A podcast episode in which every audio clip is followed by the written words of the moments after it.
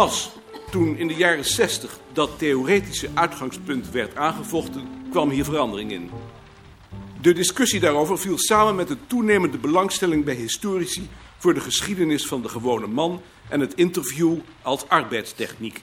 Tegelijkertijd begon een aantal etnologen, die zich antropologen waren gaan noemen, als gevolg van het verlies van hun arbeidsterrein in de derde wereld aandacht te krijgen voor de cultuur van het eigen land.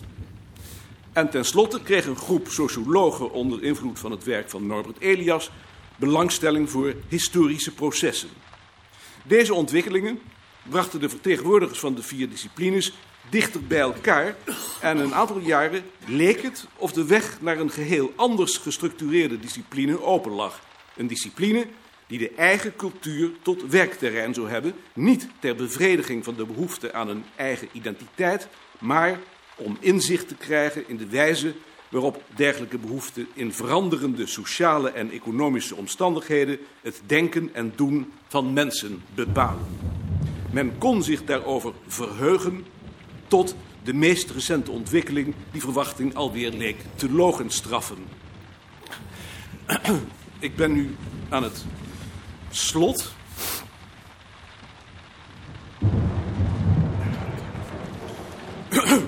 Die gelooft in de waardevrije wetenschap kan de illusie koesteren dat mijn vak zich na het afwerpen van haar ideologische ballast eindelijk kan ontwikkelen tot een volwaardige discipline waarbinnen men volgens objectieve criteria de waarheid zoekt. Ik heb die illusie niet. Het zoeken naar waarheid is daarvoor te zeer verweven met de subjectieve behoeften van de verschillende onderzoekers. Hoogstens kan men zeggen dat de noodzaak om de schijn van objectiviteit te bewaren en zich zo te handhaven binnen één generatie leidt tot een soort grote gemene delen die men de geest van de tijd zou kunnen noemen. De huidige generatie, degene die op het ogenblik vertegenwoordigen, heeft in tegenstelling tot de vorige de schijn mee, omdat ze, waar het de mens betreft, volstrekt illusieloos lijkt. Haar wereld is een wereld zonder mythen.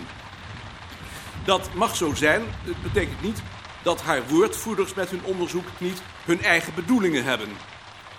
In hun en in mijn publicaties herken ik de behoefte aan te tonen dat de mens zit, ingemetseld in zijn toevallige situatie. De enige vrijheid die hem gegeven is, is dat in te zien. Als die analyse juist is, dan betekent dat dat mijn vak binnen afzienbare tijd nogmaals ingrijpend zal veranderen. De generatie die tijdens de crisis van de jaren 30 en in de Tweede Wereldoorlog is opgegroeid, is maar smal. De druk van degenen die in de jaren 60 en 70 volwassen zijn geworden, zal in de komende 15 jaar steeds groter worden.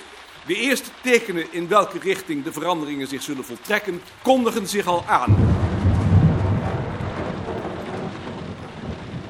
Sinds enkele jaren is er bij het publiek en dus ook in de media, maar ook bij de studenten die ons instituut bezoeken, antropologen, historici, een toenemende belangstelling voor boeken over volkskarakter, volksgeloof, volksgeneeskunde, volksverhalen en volksliederen, waarnaar al in 30 jaar geen vraag meer was. Wat hen daarin schijnt aan te trekken is de suggestie dat het volk wijsheden heeft bewaard of tot voor kort heeft gekend, die in de moderne beschaving verloren zijn gegaan. Parallel hiermee lopen recente pogingen van enkele jonge sociologen om in Nederland naar Amerikaans voorbeeld te komen tot een interdisciplinair onderzoek van zogenaamd popular culture, waarbij een definitie van volk wordt gehanteerd die als twee druppels water lijkt op de definitie die voor de Tweede Wereldoorlog werd gebruikt met als enig verschil dat niet meer aan de boeren wordt gedacht, maar meer in het algemeen aan volk. Wat dat dan ook mag zijn. En tenslotte valt er ook in de wetenschap, net als in de maatschappij, met het voortduren van de economische depressie een toenemende behoefte aan autoriteiten te constateren die de modellen moeten leveren om de feiten te ordenen. Het misbruik dat er van Norbert Elias wordt gemaakt, is daarvan in Nederland een duidelijk, maar niet het enige voorbeeld.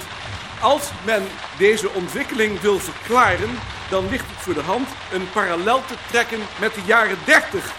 Het verschil is dat de daaraan voorafgaande welvaart toen minder groot was dan nu en dat de depressie nu dieper lijkt te worden dan toen. Naar de uitkomst mag men raden. Het is fascinerend, maar men houdt de adem in. Wel.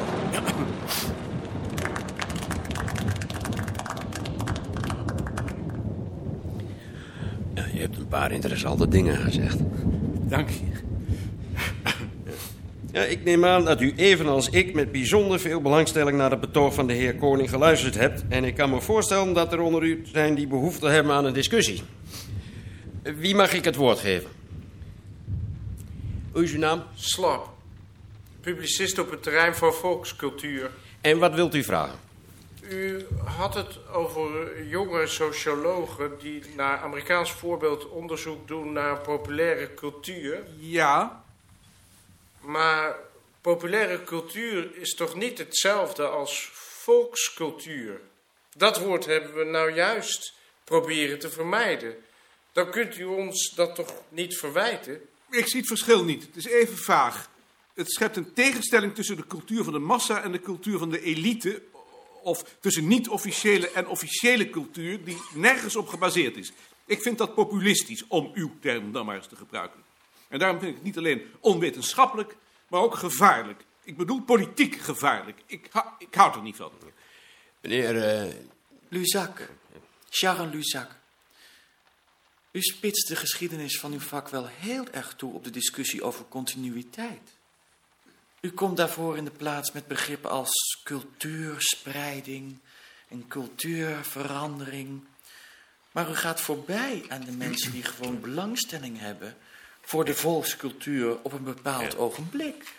Daarmee geeft u wel een heel beperkte inhoud aan uw vak. En dan heb ik nog een tweede opmerking. U bent wel erg snel met het trekken van parallellen.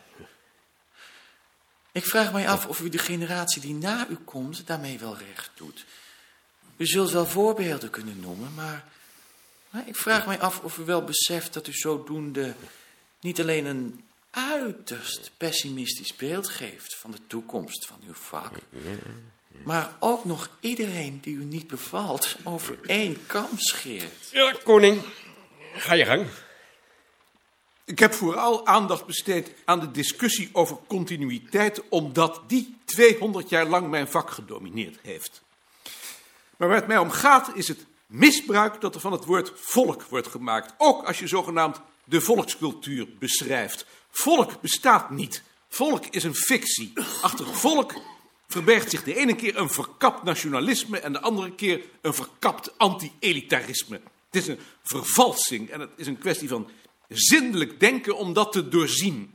Daarvoor dient de parallel met het nationaal socialisme. En als dat pessimistisch is, dan is deze discussie alleen al het bewijs dat ik daar reden voor heb. Ja, nog iemand anders misschien?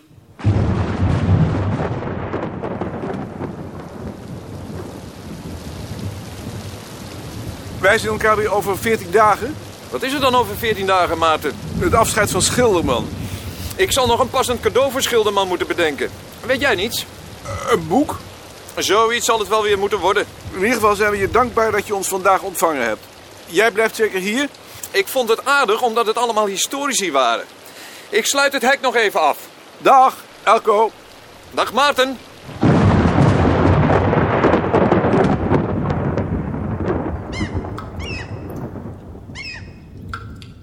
U gaat zeker ook met de trein? Ja. Jammer dat het regende. Ik denk dat er daarom zo weinig mensen waren. Ze hebben natuurlijk allemaal gedacht dat het met die regen al niks zou worden. En het is een heel eind natuurlijk. Maastricht is ook een heel eind. En daar waren er wel een heleboel. Maar het zuiden is nog helemaal dichterbij dan het noorden. En ze hebben nu uw praatje gemist. Ik vond dat heel aardig. Dank u. Iedereen in het bestuur noemt me Mieke. Maar ik durf u dat haast niet voor te stellen. U, u hebt zoiets afwerends. Ja. Ik heet Maarten. Ja, dat weet ik. Je was wel hard voor die arme Luzak. Ik vind het een gevaarlijke man. Bovendien laat hij geen gelegenheid voorbij gaan om een snier op mijn bureau te geven, zoals alle studenten van Alblas. In hun ogen bevinden wij ons op hun terrein. Volgens hen hebben alleen antropologen het recht zich met dit vak bezig te houden. Wat anderen zeggen wordt stereotyp met een medelijdend lachje afgedaan. Ik dacht wel dat er iets anders achter stak. Maar het belangrijkste is natuurlijk dat ik hem niet vertrouw. In mijn gezicht is hij vriendelijk op het zoetsappige af, maar als ik me heb omgedraaid, geeft hij me een trap.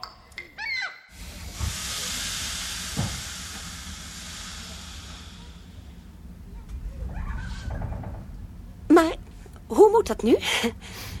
Want hij heeft bij ons een studiebeurs aangevraagd voor zijn promotieonderzoek. Wie moet dat nu behandelen? Ik? Maar staat de uitkomst dan niet al bij voorbaat vast? Ik heb zijn doctoraalscriptie gelezen en ik vind die erg goed.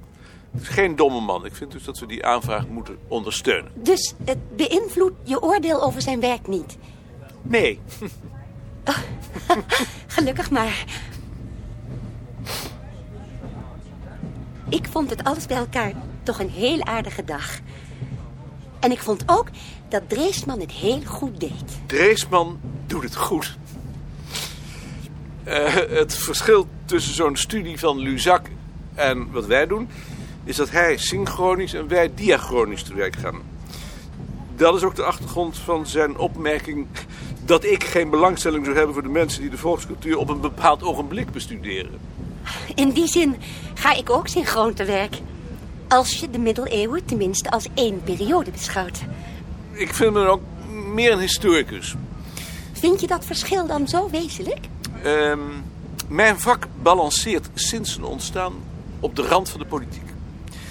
Als je diachroon te werk gaat, is dat ofwel om het heden te legitimeren vanuit het verleden, of om het heden te relativeren. Dat laatste doe ik. Luzak doet dat niet. Ik vind dat voor de onderwerpen waar hij zich mee bezighoudt gevaarlijk.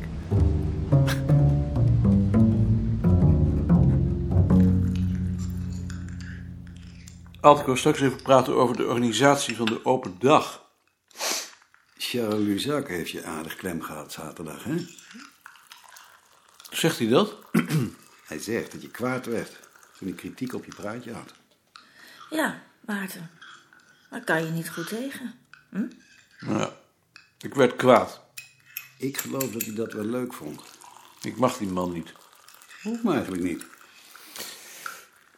Ik vind hem gevaarlijk. Nou, ik vind het een griezel. Nee, vind ik niet. Maar waarom vind je hem dan gevaarlijk? Ik denk om de onderwerpen waarmee hij zich bezighoudt. Volksgeloof, volksgeneeskunde, volksverhalen. voor zulke dingen belangstelling hebt, dan deug je niet.